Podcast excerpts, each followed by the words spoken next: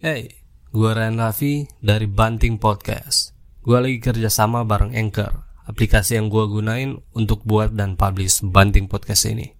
Semua yang kita perluin buat podcast udah ada di aplikasi Anchor. Gunain terus aplikasi Anchor dan bikin podcast lo sendiri.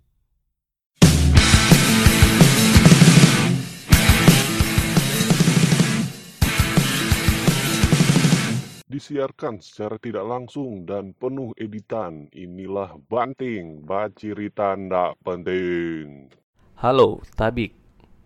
Saya ingin membicarakan tentang TikTok, tapi bukan karena video dancing, prank, atau challenge yang lagi viral di sana, tapi karena TikTok sedang membangun senjata pemusnah atau pemuas massal yang akan menghancurkan pikiran para penggunanya di seluruh dunia lintas generasi dan bisa jadi TikTok menjadi alat perang di abad ke-21. Intinya adalah TikTok akan merevolusi konstelasi persaingan bisnis di masa depan di semua industri. Apa kalian pernah dengar tentang perang opium yang terjadi di abad pertengahan, abad ke-19? Ya, di perang itu Cina dipermalukan dan dikerjain habis-habisan oleh negara-negara barat. Nah, saya menduga kini Cina ingin balas dendam dan TikTok menjadi salah satu senjata utamanya. TikTok akan mendefinisikan bagaimana pertempuran bisnis di masa depan yang akan dimainkan. Bahasan kali ini lumayan khusus bagi kalian yang suka dengan teknologi, strategi, dan masa depan. Um, saya akan menjelaskan sedikit tentang sejarah mengenai perang opium tadi. Perang opium di sini adalah dua perang yang terjadi antara waktu itu dinasti Qing dan negara-negara barat pada abad pertengahan abad ke-19. Perang ini dipicu oleh sengketa perdagangan antara Inggris dan dinasti Qing di Cina. Pada saat itu perdagangan barang-barang Cina seperti teh, sutra, dan porselen. Porselen itu sama seperti keramik-keramik yang digambar. Lalu barang-barang tadi itu sangat menguntungkan bagi para pedagang Inggris. Masalahnya adalah pedagang Cina tidak mau menukarnya dengan membeli produk Inggris. Mereka hanya mau menjual barang-barang mereka dan dengan imbalan perak. Nah, untuk mengakali itu para pedagang Inggris mulai menyeludupkan opium ke Cina secara ilegal dan mereka menuntut pembayaran dalam bentuk perak. Nah, perak itulah yang kemudian digunakan untuk membeli teh dan barang-barang lainnya dari Cina. Hmm, pada tahun 1839, penjualan opium ilegal ke Cina membayar seluruh perdagangan Inggris. Cina tentu saja ingin menghentikan perdagangan opium, bukan karena opium mengganggu neraca perdagangan di Cina, tapi jutaan pecandu opium yang telah merusak masyarakat di Cina di saat yang sama mulai melemahkan juga kedikdayaan dari dinasti Qing. Cina pun memaksa kepala pengawas perdagangan Inggris di Cina yaitu Charles Elliot untuk menghancurkan semua stok opium dan itu membuat marah Inggris tentunya dan memicu perang opium yang berlangsung selama tujuh tahun. Cina akhirnya kalah dalam perang itu mengakibatkan kehilangan Hong Kong dan dipaksa membuka semua batas-batas wilayahnya untuk melakukan perdagangan bebas dengan semua negara-negara barat. Um, kembali ke TikTok, menurut pandangan pribadi saya, TikTok adalah opium baru dan perang opium modern sudah dimulai. Kali ini Cina yang melakukan penyerangan dan peluangnya progresif dan besar bahwa Cina yang akan keluar sebagai pemenang nantinya. Nah, sebelum kita kaji mengapa TikTok adalah the new opium dan bagaimana TikTok akan merevolusi konstelasi persaingan industri masa depan, mari kita lihat dulu bagaimana TikTok bermula. Di awal 2012, seorang soft software engineer bernama Zhang Yiming dengan temannya Liang Rubo mendirikan sebuah perusahaan yang bernama ByteDance di tahun itu juga ByteDance meluncurkan aplikasi pertamanya yang disebut Neihan Duanzi yang berarti lelucon yang mendalam. Aplikasi ini memungkinkan penggunanya untuk membuat video, lelucon, dan meme. Masih di tahun yang sama, ByteDance meluncurkan platform berita dan informasi yang bernama Toutiao, yang secara harfiah berarti berita utama atau headline. Hanya dalam empat bulan setelah rilis ke publik, Toutiao memiliki satu juta pengguna aktif harian. Kemudian pada tahun 2014, perusahaan Sequoia Capital menginvestasikan 100 juta USD di ByteDance dan sebagian dana itu digunakan untuk mendirikan ByteDance AI Lab yang fokus utamanya pada pengembangan kecerdasan buatan atau AI tadi, artificial intelligence yang mampu memahami informasi baik berupa teks, gambar, video secara mendalam. AI Lab juga mengembangkan algoritma machine learning yang merekomendasikan informasi pada penggunanya. Nah, Teknologi AI ini kemudian dibenamkan pada Toutiao sehingga memiliki kemampuan memprediksi dan merekomendasikan konten berita, informasi dengan sangat akurat. Tentu saja sesuai dengan minat para penggunanya. Kehebatan AI yang mereka punya itulah yang kemudian membawa Toutiao berhasil mendapatkan 120 juta pengguna aktif di September 2017. Para pengguna Toutiao secara rata-rata menghabiskan waktu 74 menit per harinya menggunakan aplikasi tersebut. Dengan naiknya nama Toutiao menginspirasi Zhang Yiming untuk membuat aplikasi yang mirip namun konten yang disajikan berupa video pendek yang atraktif. Maka di tahun 2016 lahirlah Douyin, sebuah layanan hosting video pendek yang mampu menampung berbagai video pengguna dari beragam genre seperti video lelucon, aksi, trik, tarian, dan juga hiburan lainnya. Douyin memanfaatkan teknologi rekomendasi berbasis AI tadi, seperti yang digunakan oleh Toutiao untuk menampilkan ragam video yang sesuai dengan minat penggunanya. Sukses Douyin di Cina mendorong ByteDance membuat versi globalnya dari Douyin untuk konsumsi publik di luar daratan Cina. Maka di bulan November 2017, ByteDance mengakuisisi aplikasi bernama Musical.ly, sebuah media sosial asal China yang bermarkas di Santa Monica, California. Pada aplikasi Musical.ly, pengguna dapat membuat video musik lip sync selama 15 detik hingga 1 menit dan dapat memilih soundtrack sesukanya. Aplikasi ini juga memungkinkan penggunanya untuk menelusuri video populer, lagu yang sedang tren, hashtag, dan dapat berinteraksi langsung dengan para penggemar.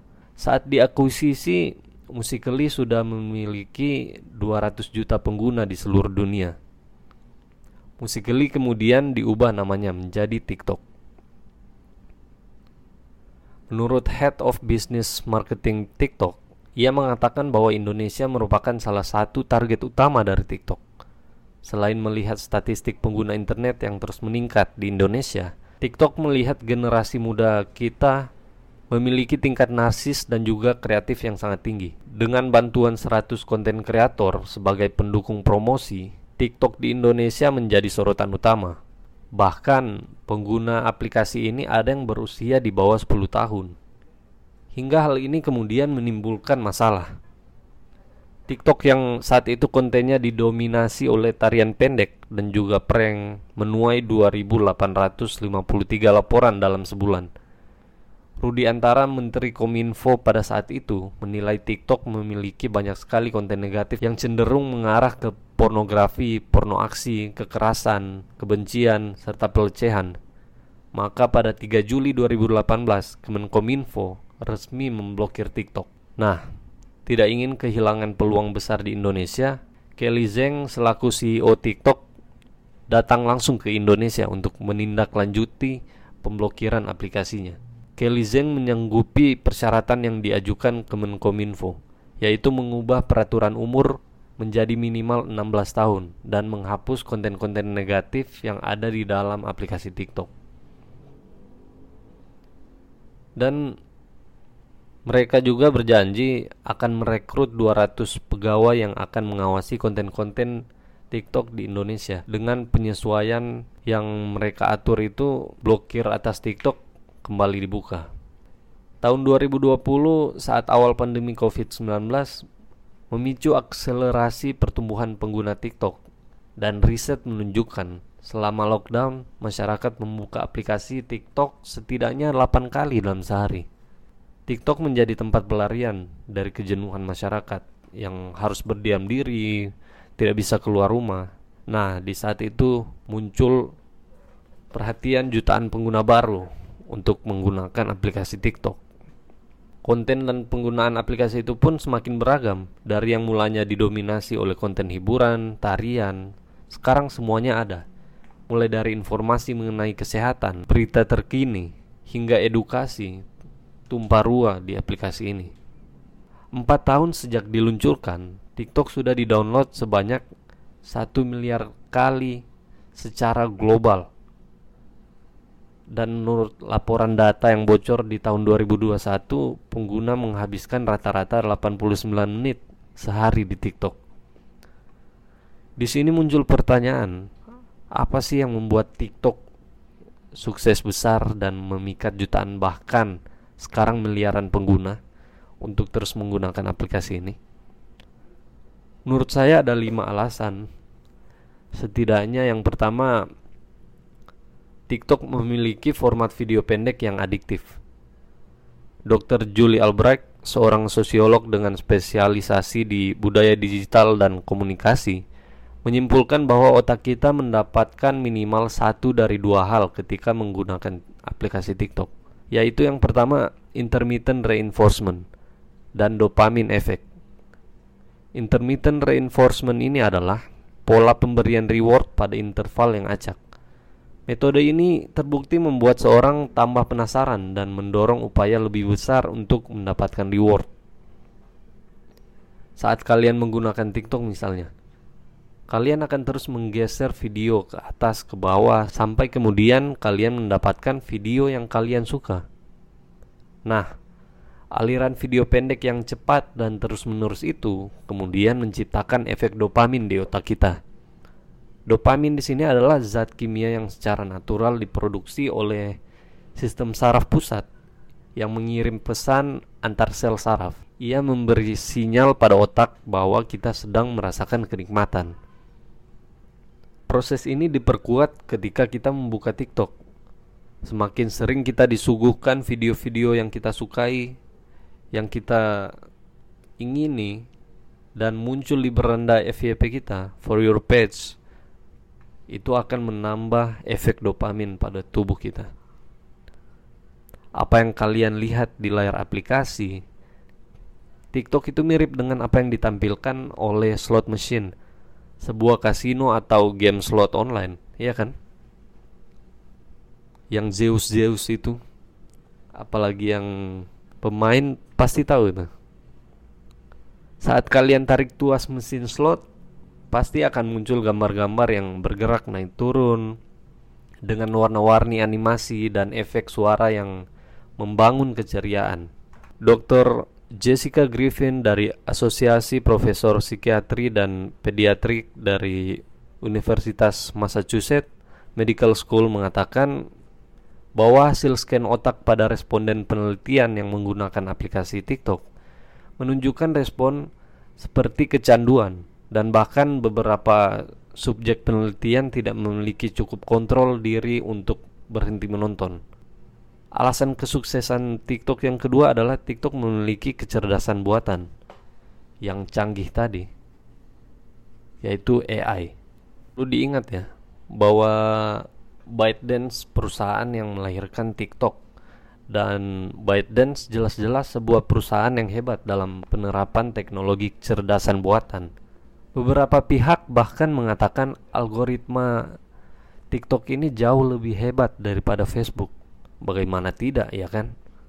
Lihat saja data yang TikTok kumpulkan dari handphone kita. TikTok mengumpulkan informasi dari pesan yang kita kirimkan setiap hari.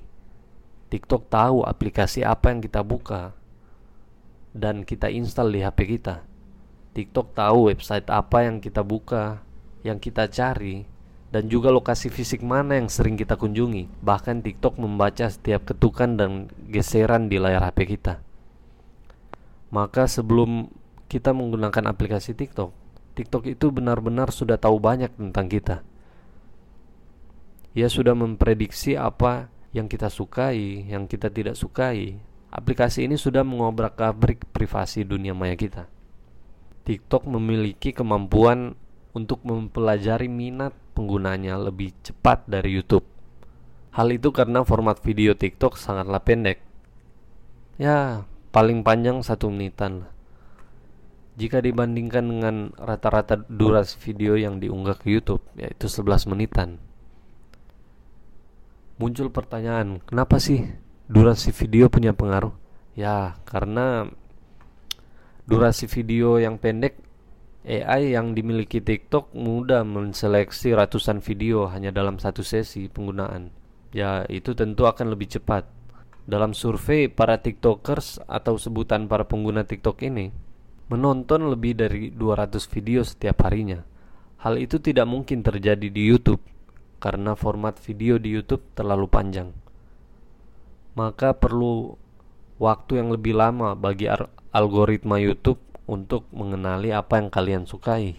Dan alasan ketiga untuk kesuksesan TikTok adalah TikTok membuat proses pembuatan video konten menjadi sangat mudah dan para penggunanya tidak perlu berpikir keras untuk mau membuat konten apa. Cukup membuat konten versi kalian dari video lip sync atau dancing yang lagi populer di TikTok.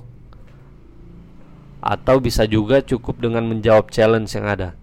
Fitur template yang disediakan, efek pada wajah dan musik yang disediakan juga sangat berlimpah di sana. Alasan keempat adalah TikTok mempromosikan konten video yang diunggah penggunanya ke sebanyak mungkin audiens dan itu lintas platform ada di Instagram, di Facebook, di WhatsApp itu bisa disebarkan. Akibatnya banyak yang kaget karena videonya ditonton puluhan ribu sampai jutaan orang dalam hitungan menit bahkan sampai satu hari. Ini adalah cara TikTok menunjukkan pada kalian rasanya menjadi terkenal. Kalian senang luar biasa tentunya. Dan kalian pun segera ingin membuat konten berikutnya. Dan karena itulah kalian ingin mengulangi rasa itu lagi dan lagi. Itu merupakan efek dari dopamin.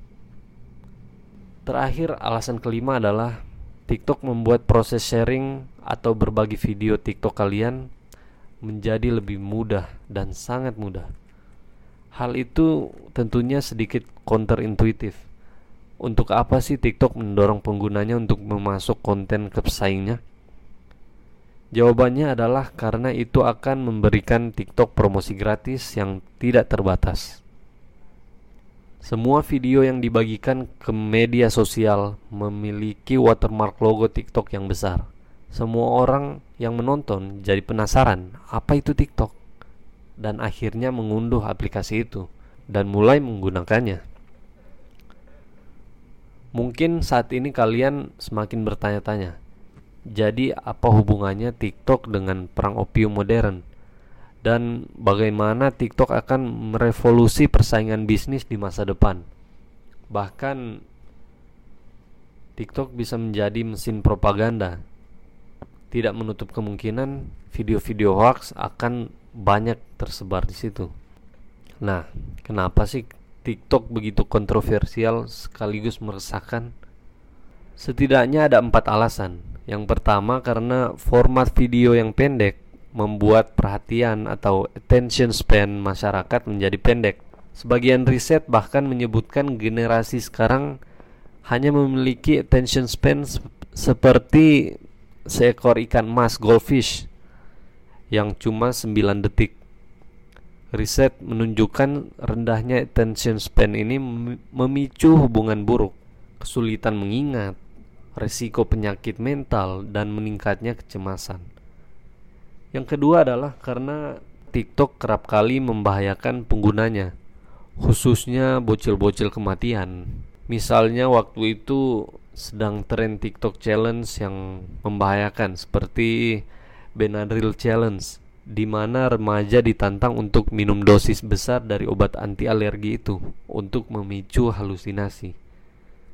Kemudian ada blackout challenge, tantangannya untuk menahan nafas sampai pingsan dan masih banyak lagi challenge yang seperti itu.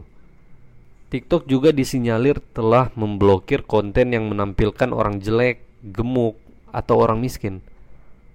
Tujuannya adalah supaya tetap terus menjadi tempat yang indah, layaknya dalam mimpi. Itu jelas tidak sehat untuk kesehatan mental, apalagi para remaja tanggung.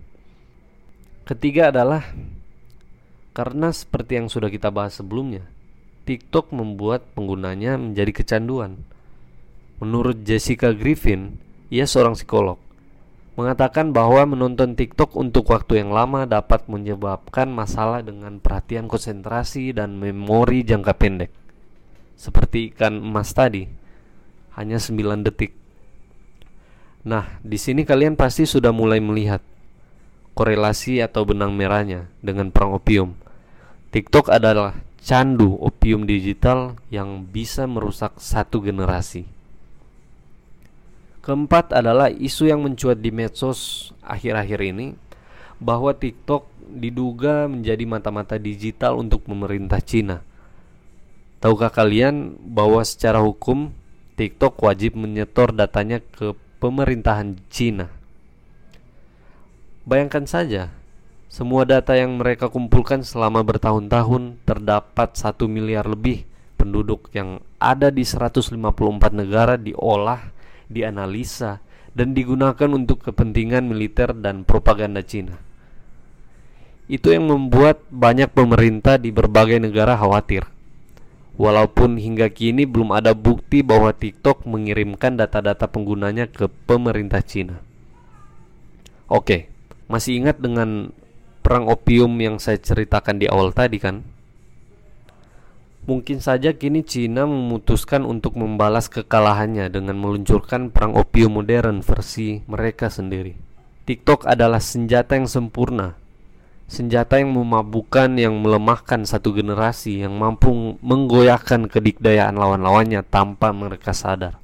Senjata yang membawa informasi-informasi yang bisa menentukan hidup dan mati seseorang senjata yang bisa bersembunyi di tangan, di kantor, bahkan di rumah lawan-lawannya. TikTok digunakan sebagai senjata yang walaupun pemerintah Cina tidak pernah berniat untuk menggunakannya. Keberadaannya saja sudah cukup memberikan Cina daya tawar yang kuat dalam konstelasi persaingan ekonomi politik dunia. Saya tidak akan terkejut sih jika ByteDance akan terus mengeluarkan aplikasi demi aplikasi bahkan bisnis-bisnis baru yang kelihatannya tidak ada kaitannya dengan TikTok.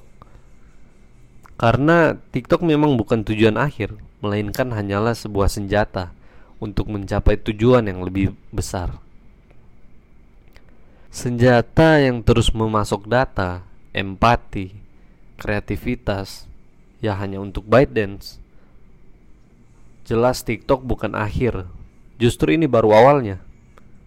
20 tahun ke depan mungkin orang-orang sudah tidak lagi menggunakan aplikasi TikTok. Bahkan mereka lupa Atau mungkin tidak tahu apa itu TikTok. Karena saat itu TikTok sudah tidak lagi mewujud sebagai sebuah aplikasi. TikTok hidup di balik sistem operasi semua perangkat digital kita.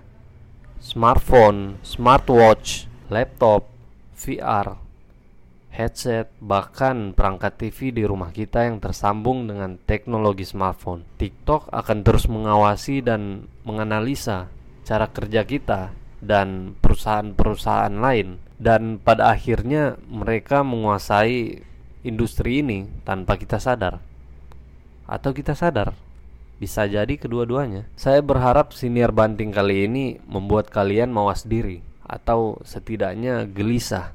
Karena kalau tidak kalian akan tenggelam dalam kenyamanan yang fana.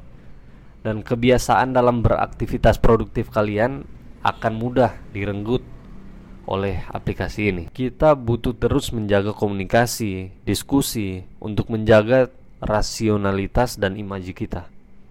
Sumber dari siniar ini banyak saya dapat dari Dr. Indrawan, Wikipedia, Google, dan artikel. Sekian, Dankeschön yang sudah mendengarkan sampai akhir siniar ini. Oke, okay, bye. Shut the fuck off.